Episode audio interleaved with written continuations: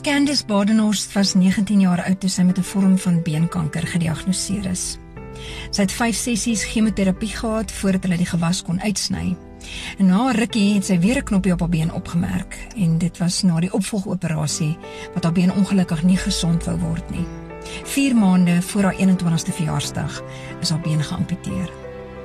Die verlies van haar been 16 jaar gelede het Candice nog nooit ondergekry nie. Sy het wel een groot droom Ek wil so graag hand aan hand saam met my kinders in die winkel stap, maar omdat ek met krikke oor die weg moet kom, kon ek dit nog nooit doen nie.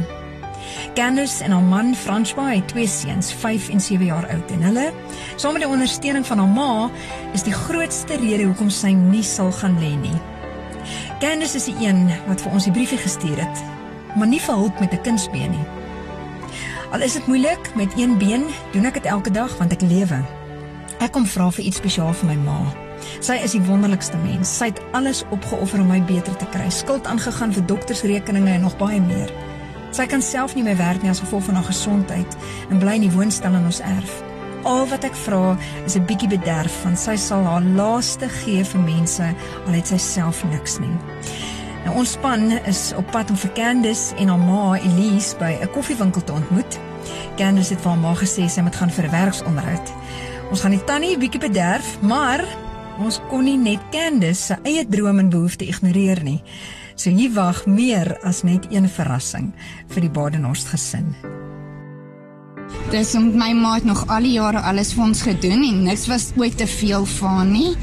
En geen nie om wat sy daar's altyd het sy iets tyd om iets vir haar kinders te doen. En dit is ek weet nie hoe om dankie te sê van so ek wil net ietsie kleins doen om vir net iets vir haar dankie te sê. So ja. My ma is nie gesond nie maar jy sal nooit sê nie want sy gaan net aan. Sy kla nooit nie. Sy sê nooit nee nie en sy sal nooit sê sy seer nie. Namens Skin PhD Molletred het ons gevoel ons vir jou graag ondersteun en jou help om jou beter te laat voel.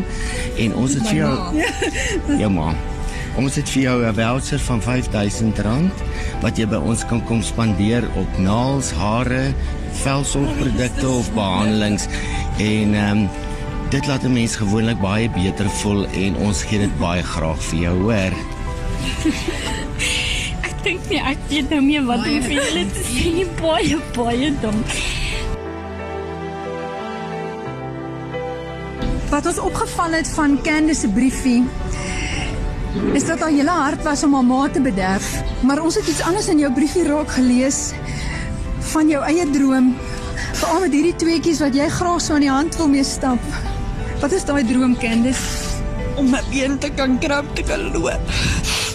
Om my kindsbeen te kan hê om my kinders te kan meer loop en alles.